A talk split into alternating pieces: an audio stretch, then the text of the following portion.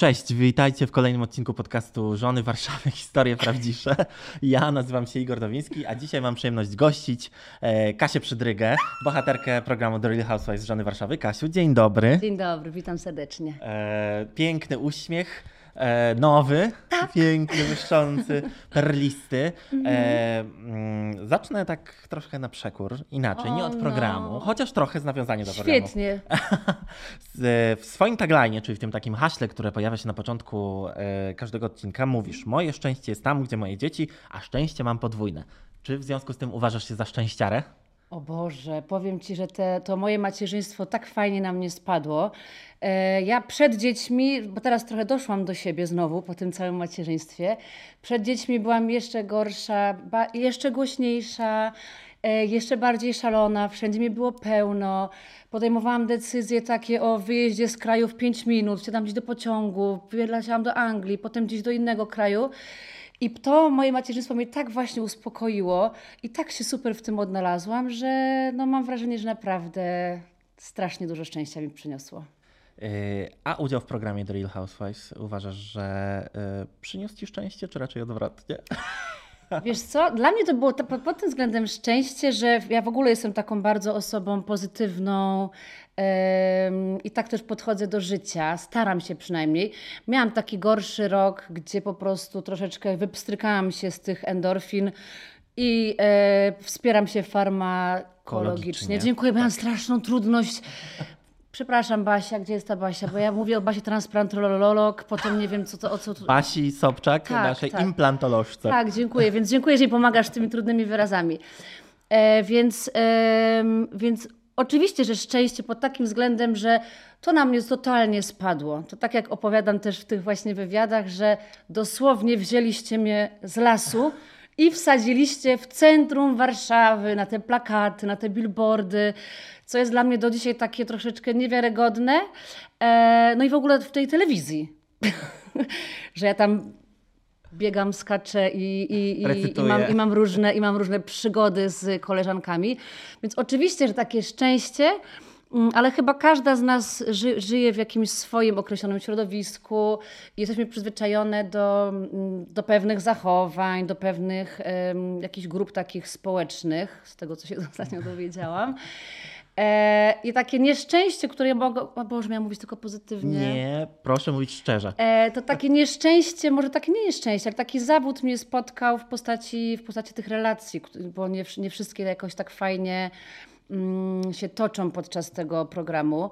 Takie pierwsze załamanie, że ja w ogóle powiedziałam, że kończę z tym, nie wiem czy możemy o tym mówić, że w Możesz. ogóle ja muszę, że już nie chcę tu być, że co za, i to słowo brzydkie właśnie powiedziałam, bo to muszę powiedzieć o tym wykluczeniu, które spotkało właśnie Monikę na początku. Monikę E, Goździalską. Monikę Goździalską, tak. E, Gdzie ja się strasznie tym nie, z tym nie zgadzałam i bardzo głośno o tym mówiłam. To nie było tak do końca pokazane na tej e, kolacji, więc za to mi się strasznie oberwało. A wychodzę z założenia, że trzeba być w życiu odważnym, żeby bronić kogoś, żeby postawić na swoim, że, że, że totalnie się nie zgadzamy z pewnymi e, postawami drugiej osoby. I na tym polega odwaga bycia sobą, żeby powiedzieć nie, stop. Więc kiedy ja mówię to nie, stop, to właśnie zostaje tam nazwana tak inaczej i widzę te wszystkie spojrzenia tych dziewczyn, że w ogóle po co tłumaczyć, skoro i tak już jest wszystko, wszystko jasne z tej ich perspektywy. I to był dla mnie taki duży cios i to było moje takie pierwsze naprawdę załamanie. Wiem, że jak ja tak ob- obcujesz ze mną na co dzień czy na tych naszych scenach, e, to ja jestem, wydaje się taką osobą, którą nic nie dotyka, że jest zawsze śmiesznie, fajnie, że dobra, jakoś to będzie. Ale tutaj rzeczywiście mnie tak to zabolało, bo ja mam taką dużą mm, wewnętrzną potrzebę takiej prawdy, takiego właśnie takiej sprawiedliwości. E, Jak zostałam tak oceniona, to mówię, Boże, naprawdę ja? Przecież jest tyle okropnych osób na świecie. Które bardziej na to zasługują. Tak, tak, więc e, i naprawdę potem właśnie, mimo że Moniki jeszcze nie znałam, z Basią już się bardzo fajnie e, skumplowałyśmy, no to dzwoniły do mnie na drugi dzień serio. Nie wiem, czy tak będziemy chcieć o tym, o tym słyszeć, ale w końcu, skoro jestem tylko ja, to mogę. Niech to wybrzmi. Że tak poszłam spać rycząc. Obudziłam się, mówię, dobra, przepłakałam tą noc, może już jakoś to wstanę rano, będzie fajnie, ale znowu taki dół. I tak dziewczyny do mnie dzwoniły, właśnie Monika, Goździalska i Basia że Kasia, nie przejmuj się, ale wiesz, to w pewnym momencie zbijasz się, zderzasz się z taką ścianą i sobie myślisz, kurde, na własne życzenie em, muszę to znosić, że normalnie w życiu przeszłabym obok, zapomniała, to by mnie w ogóle nie, nie, dotk- nie dotknęło. Więc w życiu takim prawdziwym możemy sobie pozwolić na taki wybór, z kim, gdzie, co i jak. A tutaj jednak miałam tą e, perspektywę kolejnych dwóch miesięcy na planie z osobami, no, które tak nie do końca, których nie rozumiałam po prostu. Bo potem też z dziewczynami rozmawiam, mamy też dużo takich fajnych scen, e, właśnie na przykład z Sarą czy z Madzią. E, I ja ciągle daję szansę, a potem ciągle się zawodzę na tych e, osobach, więc to jest taki, taki roller coaster. No moje pytanie o tym szczęściu trochę cię podpuszczam, bo wydaje mi się, że jednak mimo wszystko to szczęście przeważa, choćby dlatego, że poznałaś na planie e, przyjaciółkę, No właśnie. e, taką, no wydaje mi się, prawdziwą, prawda? Wiesz co, właśnie tutaj to jest strasznie duże zaskoczenie i dla mnie, a dla Basi to już w ogóle. Nie wiem, czy, wy, czy możemy powiedzieć, jak my się na tym pierwszym spotkaniu się, e, się poznałyśmy. Ja wtedy akurat skończyłam imprezę w śnie o piątej nad ranem i przyszłam nad, nad, nad Wisłę na to spotkanie nasze pierwsze i dziewczyny poprosiły kawę, ja poprosiłam mimozę i Basia mówi, Jezus, kto to jest? Muszę, muszę, się, muszę się z nią tutaj skumać, zo- zobaczymy, co to będzie. I naprawdę my od tej pierwszej chwili, przez ten dystans właśnie, bo, bo to widzisz, są osoby, które tak oceniają od razu, tak jakoś dziwnie, przez pryzmat tego srego i owego, a tutaj właśnie Basia mówi, Boże, jaki patol, o co chodzi w tej dziewczynie na bank. E, I to, taki, taki dystans nas połączył, bo my jesteśmy totalnie inne z Baśką. Właśnie chciałem o to zapytać, bo y, nam wszystkim wydaje się, że przecież y, mm, o, ta relacja wasza budziła pewne emocje wśród bohaterek, no bo wy się wydajecie Ale kompletnie czemu? różne. Aha. I co cię właśnie w Basi urzekło?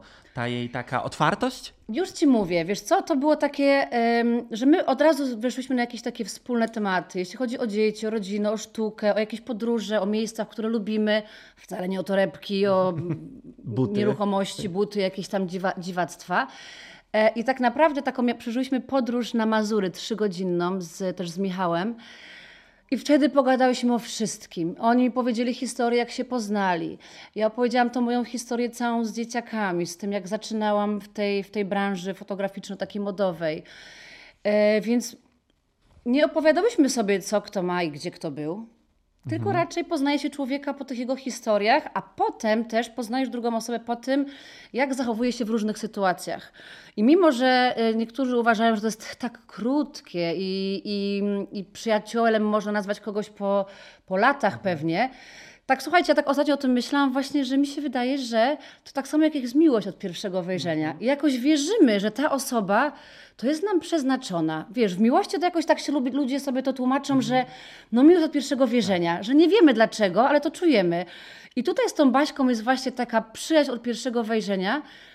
Oczywiście, że to, tak, to, to nie jest aż takie jak z tą miłością od pierwszego wejrzenia, e, ale potem jeszcze pojawiają się różne właśnie mm, nasze sytuacje, nasze rozmowy, to wszystko jakoś gra. Y, Niektóre dziewczyny y, nazwały cię takim trochę bodyguardem Basi. Mhm. Y, Czy ciebie to zabolało, że one tak to oceniły, Wiesz tę co, waszą nie, relację? bo ja, ja ogólnie mam coś takiego, że się nie zgadzam z takimi różnymi zachowaniami.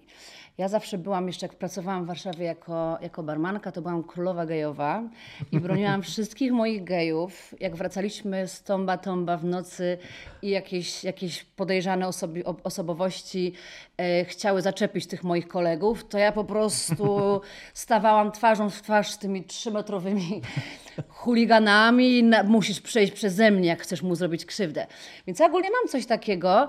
E, I też wychodzę z założenia, że łatwiej br- obronić kogoś niż samego siebie.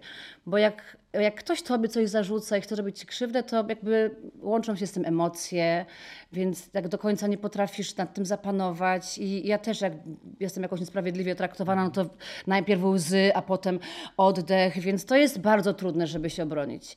E, Więc no fajnie, że uważam, że to jest taka fajna postawa, że się stoi za kimś murem i też na tym, wydaje mi się, polega przyjaźń że po prostu no, wspiera się tą osobę i się broni. I jak widzę, że coś jest nie tak, no to po prostu jedziesz. Jadę.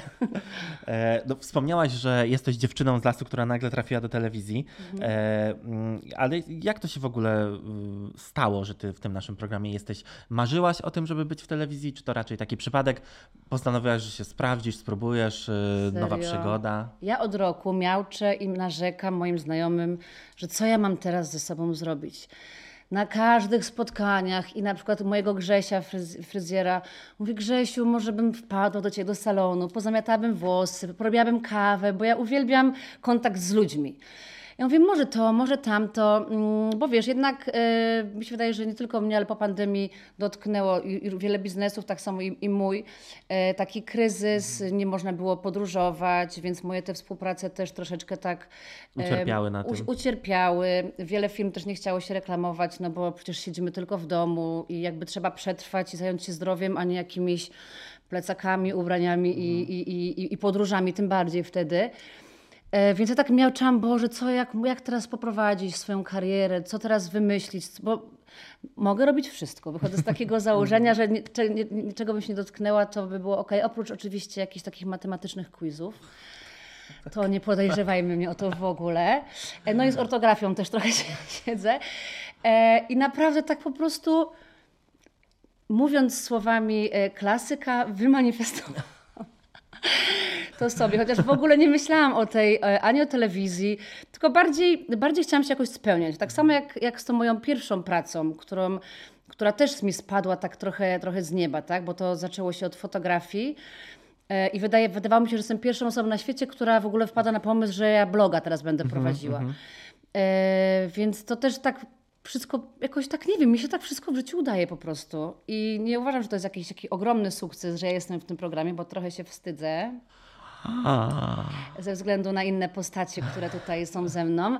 E, no, ale ale to nie jest za- odpowiedzialność zbiorowa. To nie jest odpowiedzialność zbiorowa, ale, no, ale też trzeba takie Mhm. granice postawić, że coś, coś wypada, coś nie wypada i dobra, nieważne, już się mylę w tym wszystkim. Jakie było pytanie? Wiesz co, przejdziemy do następnego Dziękuję. pytania. E, Łyk mm, wody, łyk wody. Łyk wody, łyk wody. E, w programie jesteś pełna energii, Mhm. y, zarażasz takim pozytywnym nastawieniem, dobrym humorem, e, jesteś takim śmieszkiem trochę, Tak. y, e, ale wiem, że nie zawsze tak było. I Przyznałaś się też zresztą w programie, przyznałaś, nie, że przyznałaś się, bo to nie o to chodzi, Mhm. No. że chorowałaś na depresję. Mhm. I tak jak wspomniałaś, y, do tej pory trwa y, to leczenie Mhm. i mm, i jesteś, te- dla mnie, jesteś takim przykładem tego, że teoretycznie można mieć wszystko i że można mieć e, właśnie szczęśliwe życie rodzinne, dzieci, udaną, fajną karierę, Mhm. a i tak coś jest nie tak. I Mi to mój psychiatra wytłumaczył w ten sposób, że bo ja właśnie poszłam do niego, ja, ja nie wiedziałam dlaczego ja do niego idę. Wiedziałam, że sobie nie radzę po prostu z, takimi, co, z taką codziennością. Zaczęło mnie coś przytłaczać i to były takie momenty, kiedy po prostu gdzieś wybiegałam zalana łzami, więc to było takie, co się ze mną dzieje.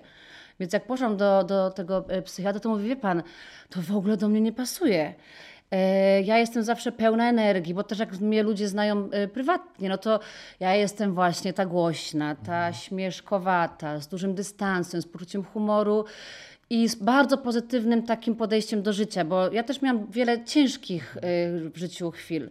Samotne macierzyństwo, e, to, że byłam w sytuacji bez pieniędzy, bez alimentów i z tą moją mamą kochaną, którą jakoś podołałyśmy, żeby wyjść, żeby te dzieci wychować i żeby potem dalej coś tutaj się fajnie potoczyło. Więc te wszystkie ciężkie, te ciężkie chwile w ogóle mnie nie ruszały. To bardziej mnie tak napędzało. To było dla mnie takim motorem, że no, że jak to, że, nie, że ja nie mogę tak skończyć.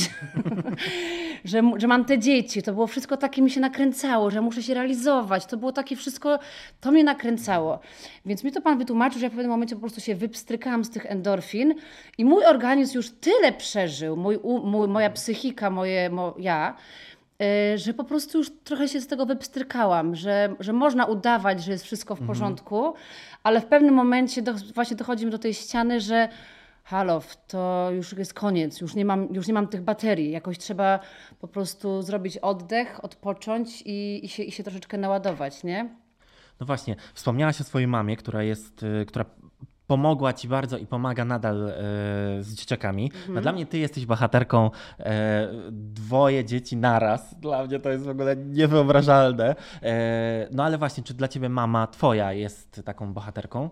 O Boże, ja uważam, że nam matkom, znaczy zacznę od mojej mamy, ale ja zaraz potem, powinno się stawiać e, pomniki. Naprawdę tak uważam. E, Najlepiej ale... dłuta Alicji Przydrygi. Tak, tak, tak. Bo to te mamy, ja oczywiście kocham mojego taty, go serdecznie pozdrawiam, ale jednak to w relacjach z tą mamą, te mamy są takie Yy, słowo, słowo, słowo. Silne. Silne, takie też wspierające, bez względu na to, co tam się odwali, bo ja nie byłam pokornym dzieckiem. Robiłam zielone włosy, nosiłam kolczyki w, w uszach, w brwiach, w językach, wszędzie. Szok i niedowierzanie. E, ale to moja mama, przez to, że znała tą moją naturę, wypchnęła mnie, co miało na mnie bardzo duży wpływ, właśnie do liceum plastycznego do Kielc. Tam mieszkałam w internacie. I oprócz tego, że mama mi zaszczepiła to, że trzeba być sobą, trzeba, trzeba być po prostu szczęśliwym takim ze sobą, to też to, ten kielecki plastyk, to jest takie słynne miejsce na mapie polskiej, mi się wydaje, tam wychodzą bardzo fajni ludzie stamtąd. E, tam ta inność jest jeszcze bardziej podbijana. Jest to, jest to coś, czym, czym można się chwalić. Jest to takie pielęgnowane i szlifowane. Ja byłam dramatyczna z matematyki właśnie i z polskiego, ale przez to, że byłam uzdolniona właśnie, ale też byłam leniwa, dlatego potem to też się skończyło. Ona ale leniwa, no klasyk. Ale jeszcze wracając do tego macierzyństwa, no to właśnie E, dla mnie to, ja teraz patrzę z perspektywy czasu, że, bo tak jak mówisz, to musiało być ciężkie. I to mi, o tym przypomina mi moja mama, bo ja też nie mam takiego charakteru, że ja narzekam. Mówię, no dobra, było, minęło, teraz jest super. A moja mama, Kasia, to ty nie pamiętasz, jak z dwójkiem małych dzieci siedziałeś przed komputerem, bo tam jakiś deadline i trzeba było jakieś zdjęcia klientowi wysłać. Jakie to było dla nas ciężkie, bo byłyśmy we dwie i te maluszki i trzeba było ich ogarnąć, potem pojechać na jakieś sesje. E, więc to wszystko było trudne, tylko ja też nie mam takiego, takiego, takiej natury właśnie do tego narzekania, że wiem, że było ciężko, jakoś to, nas tak, to mnie tak ukształtowało i jestem silniejsza i super. E, twoje dzieciaki są bliźniakami. Mhm. E, czy ty widzisz między nimi tę taką wyjątkową więź, o jakiej się mówi często w przypadku właśnie bliźniaków, czy jeszcze więcej ów? Ków. Wiesz co, oni e, teraz są w tym okresie dojrzewania. Skończyli 12 lat w maju, więc e, i przez to też, że to jest chłopak i dziewczyna, no to ich drogi troszeczkę się rozchodzą. Mhm. E, ale od samego początku oni byli strasznie za sobą. E, no to my mamy w ogóle tak przepiękne wspomnienia, wiesz, z różnych wyjazdów, z jakichś takich naszych, no kurczę, zresztą to całe to, ja, ja się od razu widzisz, ja się rozpływam, się robię taka łagodna, jak o tym wszystkim mówię, bo ja też dużo się od dzieci nauczyłam takiej właśnie otwartości, bo ten, ten mój charakter to tak wiesz, to tak nie to, że tak się urodziłam, to tak mnie troszeczkę, te dzieciaki też mnie tak doszlifowały. Uczyły mnie takiej wrażliwości, te, tej spontaniczności, którą ja mam też w sobie i to też dzięki dzieciom, bo to wiesz, idą dzieci na wszystko tak patrzą, to jest niesamowite, piękne i tak dalej. Więc oni mnie dużo nauczyli i mają tą niesamowitą więź. Tak jak mówię, no teraz troszeczkę te drogi się rozchodzą, ale są bardzo za sobą, zawsze się wspierają. E, no i są dla siebie bardzo kochani. No, wspominałaś, że wychowywałaś e, ich sama, więc wydaje mm. mi się, że między wami też jest taka wyjątkowa więź. Ojejku, wiesz co, no to, było, to jest taka więź, że ja musiałam być i tą mamą, bo ja zawsze w szpileczkach na porodówkę w 15-centymetrowych, panie, panie położne robiły sobie ze mną zdjęcia i pan mi kazał zmywać makijaż i paznokcie. Mówię, panie doktorze, zaraz spotkam moje dzieci po raz pierwszy raz w życiu i tak mnie zobaczą bez makijażu. Więc oczywiście to jest takie, wiesz, no, mówiłam to w taki mm. prześmiewczy sposób, e, ale ja była, musiałam być i tą mamą taką właśnie, gdzie się musiałam pomalować przed lustrem z E, i tam się przebierałyśmy w te sukieneczki i tak dalej, a z drugiej strony musiałam być też tym ojcem. Mhm. I musiałam się bawić w wojnę, biegać po drzewach, co też mi nie przeszkadza, skakać po górkach, wspinać się po, po tych y, drabinkach, huśtać się do belki, ale to jest też taka część mojej natury, więc ja jako ojciec, jako matka y, świetnie się odnalazłam y, i w tych takich zabawach z dziewczynką, i w tych zabawach właśnie z Oliwierem. Tym bardziej, że ja jestem bardziej jeszcze chyba spontaniczna niż oni. Teraz oni się troszeczkę mnie wstydzą. Och. Ale wiesz, w takim sensie, że jesteśmy gdzieś na jakichś placach zabaw, oni, dobra mamo, to już jesteśmy za długo. Mówię, dawaj, zjeżdżalnia. I ja zjeżdżam ze zjeżdżalni tak, aha. możesz już przestać. Więc ja po prostu kontynuuję być tą, dzie- tą, mieć tą dziecięcą e, wrażliwość i spontaniczność, a oni już troszeczkę czują zażenowanie. E, A, a w takim razie jak zareagowali na e, informację o tym, że mama będzie gwiazdą telewizyjną? telewizyjną? Wiesz co, oni, oni jakoś tego nie kumają. Ja ich tak troszeczkę zawsze trzymałam z boku, bo e, przez to, że prowadziłam tego bloga, w którym on w pewnym momencie był bardzo popularny, nie mówię o Instagramie, ale właśnie o tym, o tym blogu, to była kiedyś, kilka lat temu, to była taka mocna grupa na, na, na scenie polskiego takiego, takiej blogos, Blogosfery. blogosfery. E, I te blogi parentingowe strasznie mocno stały na rynku i my wtedy- wtedy byłyśmy naprawdę sławne.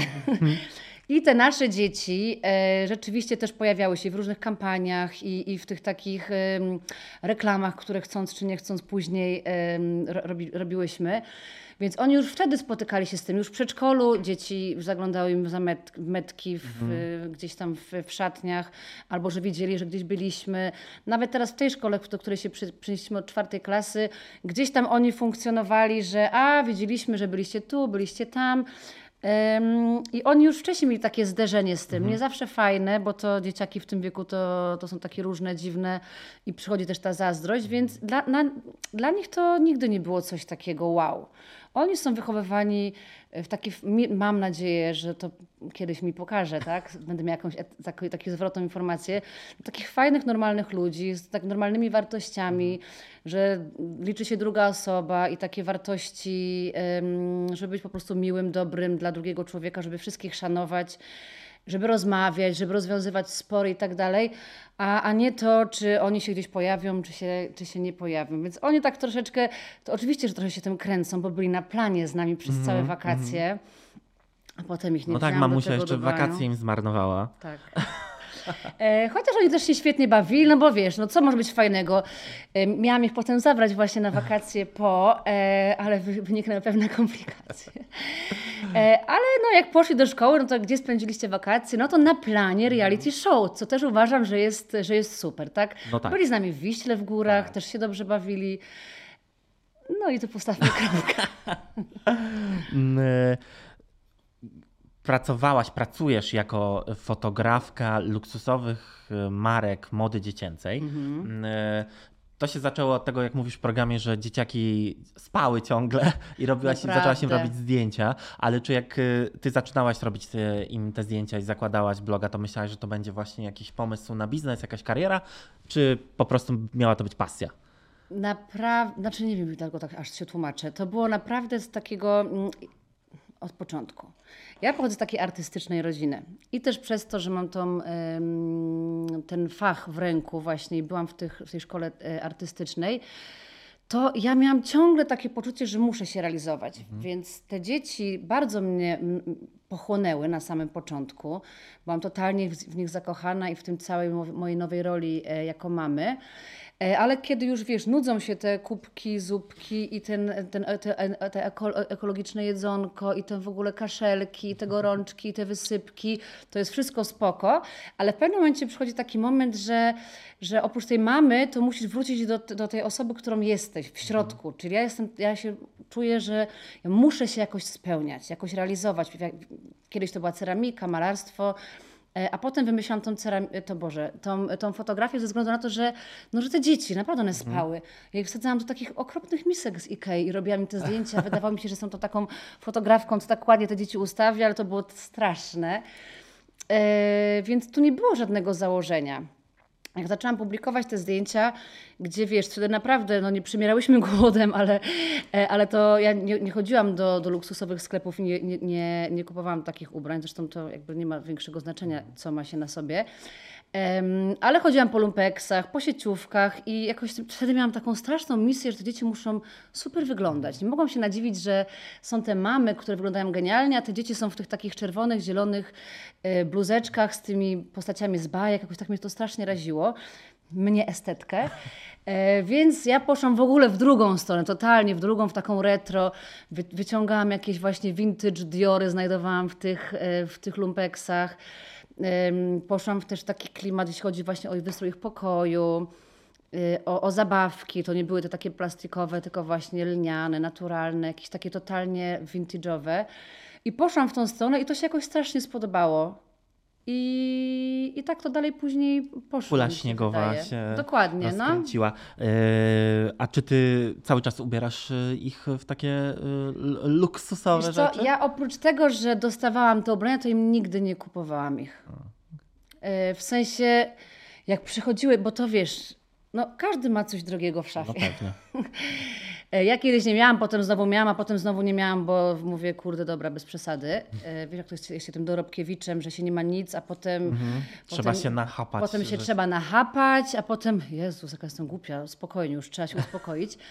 E, Tak z tymi dzieciakami to przez to, że, że właśnie miałam tę współpracę, to mnie nawet dziwiły. Oliver i Vivi wyglądali przepięknie. Oni po prostu naprawdę jak milion dolarów. Pamiętam takie, takie hity, to właśnie takie z Diora Wiwka, taki płaszcz i Olek w Armaniaku, jak miał trzy latka, taki malutki po prostu i wyglądał jak taki klasyczny model z wybiegu Armaniego właśnie. I to było takie urocze i cudowne, ale jak wiedziałam, że ten płaszcz kosztuje 4000 euro, to sobie myślę, ja pierdziela, ludzie są posrani. Wiesz o co chodzi? Przecież ja z nimi chodziłam na plac zabaw w tych To tak. płaszczach. I jakby ja tego nigdy nie doceniałam, bo jakby nie, nie, nie, nie, stawiałam tego na jakimś podium, że o Boże, to jest takie piękne, bo jest takie drogie. Więc ja tego w ogóle nigdy nie szanowałam, że oni mają te rzeczy. Ja do dzisiaj w ogóle nie szanuję ani drogich, ani tanich rzeczy. E, Rzeczy to tylko rzeczy. Rzeczy to tylko rzeczy, dokładnie. I co tam było? Nie pamiętam. E, wrócę na chwilę do e, naszego programu. E, o, bo wiem, że poza Basią, wiem, wiemy wszyscy już, Mhm. e, że poza Basią najbliższą e, bohaterką jest dla ciebie Monika Gościelska. mhm. Co ty w niej cenisz? O Boże. My z Moniką mam wrażenie, że jesteśmy bardzo podobne. Jak ona weszła, ja jej wtedy nie znałam, ale widziałam jej y, patatajce, jak to ona mówi, e, i mamy wspólnego znajomego, to mówię, bo i to naprawdę ten gry był taki nudny, jak my tam wtedy siedziałyśmy. I nagle wchodzi ona, cała na Zło- szampańsko. Ta, szampańsko, tak. I mówię, Boże, jest ratunek. Wtedy akurat jeszcze Basi nie było. I mówię, jejku, w końcu będzie też taka osoba, która po prostu jest równie, znaczy nie równie, bo tego nie, nie, wiesz, nie będziemy sprawdzać, ale też taka otwarta, zwariowana, mówi co myśli, nie przejmuje się za, za bardzo tą opinią e, drugiej osoby. Więc już wiedziałam, z czym trochę mam do czynienia, tak? Z kim mam do czynienia. Więc mnie to strasznie ucieszyło. Potem właśnie ja po tej, po tej nieszczęsnej kolacji, to to ona właśnie do mnie dzwoniła, jak się czuje. A ja po prostu, mnie tam, wiesz, łzy zalewały. Ja mówię, Boże, Monia, dzięki, że jest. Ja mówię, nie przejmuj się, nie przejmuj. Mówię, Boże, chcę kogoś, chciałam tu kogoś obronić, ale dostałam po dupie. Więc wiesz, no to pokazuje ci, jaka ta druga osoba jest. Więc jeśli ktoś się cię martwi i jest taki się troską empatyczny. tak szybko też przecież. No bo to... Kurczę, no naprawdę to było takie bardzo miłe. No więc to od razu zbliża człowieka, wiesz. Potem miałyśmy godziny przegadane przez telefon, potem też ta Hiszpania, chociaż moja tam była taka troszeczkę e, przejęta jakimiś swoimi prywatnymi też rzeczami, bo tutaj bardziej zżyłam się z Anitką i z Anią właśnie. E, Ale Monika jest bardzo fajną, bardzo fajną osobą. Świetnie nam się razem na planie. My tam i skaczemy, i biegamy, i się turlamy po górkach, i, kom, i się tu podtapiamy w basenie. Więc to jest taki luzik. E, Monia daje mi to, czego mi nie daje Basia. Bo ja muszę z Basią delikatnie, ostrożnie. E, Ja mówię, biegniemy, a Basia nie. No tak. Co jest też urocze, ja to kocham, bo wiesz, nie każdy musi być taki sam, ale, ale są też takie, w nas trzech są pewnie takie wartości, które nas łączą. To jest taka właśnie szczerość, to taki szacunek do drugiego człowieka, ta rodzina. Monika też jest strasznie rodzinna. Też rozmawiamy z Moniką o dzieciach. Ja poznałam jej syna, jest po prostu takim uroczym, młodym em, młodzieńcem. E, I to wszystko nas tak łączy, wiesz? No bo mm, dziewczyny, mm, pozostałe dziewczyny od samego początku bardzo ostro Monikę oceniły. E, Ty dałaś jej szansę i też... Mhm. Ale jaką szansę? Nawet, no, podeszłaś do niej z takim otwartym sercem e, i w dodatku też tak też przedstawiłaś ją Basi, która też w podobny Mhm. sposób się zachowała. I co ty mm, sobie myślałaś, jak się og- oglądałaś ten odcinek i zobaczyłaś to, jak inne dziewczyny na Monikę zareagowały?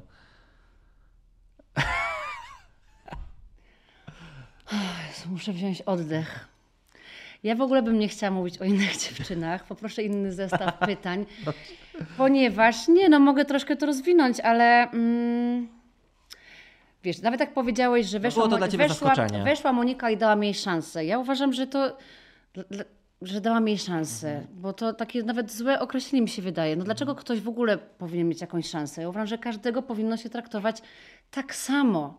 To, że ona jest głośniejsza, nieraz taka, nieraz taka, to tak samo jak z dziewczynami. Ja każdej z nich traktowałam je tak samo. Myślałam o, o nich, wiesz, a dlaczego, a dlaczego, a dlaczego, ale nie traktowałam ich z, od razu z poziomu jakiegoś takiego, ona jest taka, więc w ogóle to dramat, a ta jest taka, więc dramat, więc tu nie, tam nie. Tylko wiesz, no kurde, to jest jakiś proces. Poznajesz człowieka, poznawanie człowieka to jest procesem. Więc nawet jak ja na jednej z nich się zawiodłam, a potem na drugiej, to ja nie, nie skreślam tej osoby od razu, tylko potem myślę, dobra, ale przecież i zaczynam to myśleć. Czytam Madzi bloga, żeby ją bardziej zrozumieć, żeby tak złagodzić ją w moich oczach, tak? I potem dochodzę do pewnych wniosków, ale potem znowu coś się dziwnego dzieje. Ym, No ale już nie będę tego rozwijać. Nie będę tego rozwijać, Dobrze. ale jest to, znaczy ja ogólnie nie godzę się na takie, mm, na takie wykluczenie. Wykluczenie to jest coś, co z historii nas nauczyło, że to kończy się bardzo źle. Nie można wykluczać ludzi ze względu na, wiesz, na ich kolor skóry, na ich pochodzenie, orientację seksualną, na ich wygląd. Z żadnego powodu. To wiesz, powoli jak się wyklucza pewne grupy lub pewne osoby, to się kończy, no jak jeszcze raz powiem, że historia nam pokazała straszne przykłady, więc wykluczenie jest czymś najgorszym. E, Więc ja się z tym w ogóle nie godzę i tutaj bardzo wyraźnie też mówiłam dziewczynom, że jestem bardzo zawiedziona im z ich zachowaniem, że było to uderzające, że nie spodziewałam się, że z dziewczynami, które już trochę poznałam, że coś takiego się może wydarzyć. E, No i myślę, że musimy piętnować takie zachowania. Po prostu. A myślisz, że wasza przyjaźń, czyli twoja, Basi i Moniki, to jest taka przyjaźń, która po programie będzie miała szansę się rozwijać i, i rozkwitać? Yy, Boże, oczywiście, że tak. My, to, my z Basią to w ogóle e, naprawdę jak zagubione siostry troszeczkę. Rozmawiamy prawie codziennie i to w ogóle nie są rozmowy o programie, o dziewczynach. O odcinkach trochę tak, bo, bo, bo znaczy, może nie analizujemy, tylko trochę jesteśmy zszokowane różnymi postawami i, i tym, jak łatwo właśnie innym jest oceniać tą, tę- tę- tą drugą osobę, bo to jest szokujące i nie tylko w programie, myślę, że, że na, na, każdych, w różnych grupach, tak? E, No ale no, oczywiście, że tak. My już się umawiamy na święta. Jesteśmy, jesteśmy w już po wakacjach, może. E, nasze dzieciaki się bardzo polubiły. Mm, Nela pierwszy raz e, pływała w rzece i w jeziorze, bo zabraliśmy ją do nas na wieś. No jest to, to są takie norm, to są normalne dzieci, my jesteśmy normalnymi dziewczynami. I program dał nam trochę w kość, ale myślę, że inni ludzie mają gorzej w życiu. Są osoby w gorszych sytuacjach, są tak jak ja kiedyś właśnie mamy, które samotnie wychowują dzieci, są osoby w trudnej sytuacji e, finansowej, są ludzie, którzy tracą biznesy, więc ta, nasze problemy programowe to są jest- naprawdę pikusiem. Moja córka myślę, że ma teraz w szkole większe problemy z koleżankami, e, tylko ona dopiero się tego uczy. E, więc ja te dramaty programowe porównuję do takich dramatów szkolnych dwunastoletnich dziewczynek. No tak, taką masz y, y, z pierwszo, pierwszej ręki y, porównanie. Tak. Nie chcesz mówić o innych dziewczynach i oceniać, ja to absolutnie szanuję, ale tak zapytają, pytając pozytywnie, pozytywnie, Okej. czy jest coś, czego mogłabyś się od koleżanek z programu nauczyć? Coś zauważyłaś w nich takiego, co, by, co byś w sobie chciała zbudować, poszerzyć, zwiększyć? Wiesz co, no, wychodzę z założenia, że uczymy się całe życie i cały czas i wiesz, i ja się staram ewoluować, uczyć, wiesz, każdy czyta książki, ogląda filmy, e, interesujemy się, wiesz, polityką, sztuką, filmem, wiemy jakim teraz, więc to wszystko nas uczy. Od koleżanek mogę się nauczyć. Na pewno czegoś, Na tylko pewno jeszcze czegoś. tego nie dostrzegłam. Znaczy, myślałam, że mogę się nauczyć wiele, bo, bo każda z nich prowadzi jakiś fajny biznes, Mhm. więc to na pewno mi imponuje, bo jestem totalnie niebiznesowa. E, Mi się jakby z tego, że coś chcę robić i coś jakoś się, mm, wiesz, jak już wcześniej powiedziałam, chcę się realizować, to jakoś po prostu do mnie to samo wszystko przychodzi, tak jak ten program. Więc ja w ogóle jestem jednym wielkim zbiegiem okoliczności, ale nie potrafię niczego dopiąć, tak wiesz, że ja coś sobie założę, będę zrobię to, to i to, żeby coś osiągnąć. To w ogóle nie jestem ja. Więc może takiego właśnie mm, dojrzałego i dorosłego podejścia do życia. Nigdy nie, nie opłacam rachunków na czas, nie potrafię tych faktur dowieść do księgowego. No jestem takim dramatem, właśnie tak jak to Basia powiedziała, że e, jestem nieogarem takim życiowym, Aha. tak jak ona. Zgubiłam kartę do bankomatu dwa lata temu, nie wiem gdzie jest mój dowód. Więc ogólnie to może tego bym się chciała nauczyć. Na pewno nie chciałabym e, się uczyć takiej postawy w stosunku do drugiego człowieka i tych takich rzeczy bardzo bym się nie chciała uczyć od koleżanek. Myślę, że to wybrzmiało y, w jasny i niepozostawiający wątpliwości sposób. E, na sam koniec, wiem, że kochasz e, podróże, podróżujecie dużo, e, też z dzieciakami. Masz takie swoje ukochane miejsce na ziemi? Wiesz co, właśnie, bo to jest tak jak z tym, z tym luksusem, który, którego zazdroszczę Basi. E, To ja mam takich kilka ukochanych miejsc. Od takich bardzo luksusowych po takie e, małe chatki na plaży. Więc ym, na pewno takim ulubionym miejscem, do którego już wracaliśmy kilka razy, to będzie to Bali, bo no, ten, to moje ukochanie do luksusu, jak wiemy, jest, tak, ale mm, ja i mogę wyspać się na takiej pryczy właśnie na plaży, a też w pięciogwiazdkowym hotelu gdzieś, gdzieś w jakimś fajnym miejscu.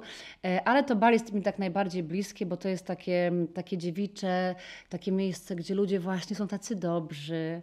Ten cały, te, te, ten cały buddyzm jest taki naprawdę ujmujący. Tam się ludzie kochają, wszyscy są dla siebie mili, to jest takie miłe, też takie ezoteryczne, ci wszyscy szamani, wiesz, ten taki, taki inny poziom, więc to, to mnie bardzo tam pociąga i, ta, i taka prostota właśnie w tym wszystkim. E, Jeszcze do pewnego czasu e, właśnie myślałam, że to tam się przeniesiemy i będziemy mieszkać, e, ale jednak trochę też brakuje mi takiej właśnie takiego dotarcia do kultury, do, do takich nowinek nowoczesności, więc tak prawdopodobnie będziemy żyć troszeczkę właśnie trochę tutaj, trochę tam, ale ja mam tą taki, ten taki pociąg właśnie do, takiego, do takiego prostego życia, do takich normalnych rzeczy. Ja właśnie jak wróciłam z planu, e, to mówię, Boże, w końcu jest, wracam do takiej normalności, do tego, że wstaję rano, robię dzieciom śniadanie, potem, nie wiem, czytam sobie książkę, robię sobie jogę na tarasie, robię nic, leżę, po prostu nic nie muszę. Bo takim też luksusem, o którym w ogóle tu nie mówimy w programie, to jest też ten czas. Wiesz, można się zagalopować i po prostu chcieć mieć coraz więcej, ale w pewnym momencie tak naprawdę nie ma się czasu dla tych bliskich, dla rodziny. Więc mi bardzo odpowiada proste życie mamy, która odbiera dzieci ze szkoły, potem robimy jakieś fajne rzeczy, jakieś zdjęcia, mm, oglądamy razem film, idziemy na jakąś wystawę, więc to mnie tak kręci w życiu ogólnie. Czyli e, luksus, to to zresztą to jest fajne, bo też z Anią Wrońską, z którą rozmawiałem już e, Mhm. w ramach naszego podcastu, ona też mi powiedziała, że kiedyś dla niej luksusem były rzeczy, torebki, ubrania Tak, i tak tak, dalej, tak, tak. a teraz to jest właśnie ten czas i ta możliwość Tak, no bo to, gospo- zagospodarowania go sobie, jak sobie człowiek żywnie, tylko jak mu się żywnie podoba i, i Mhm. nie musieć luksus. nic. O Jezu, kocham nie musieć nic.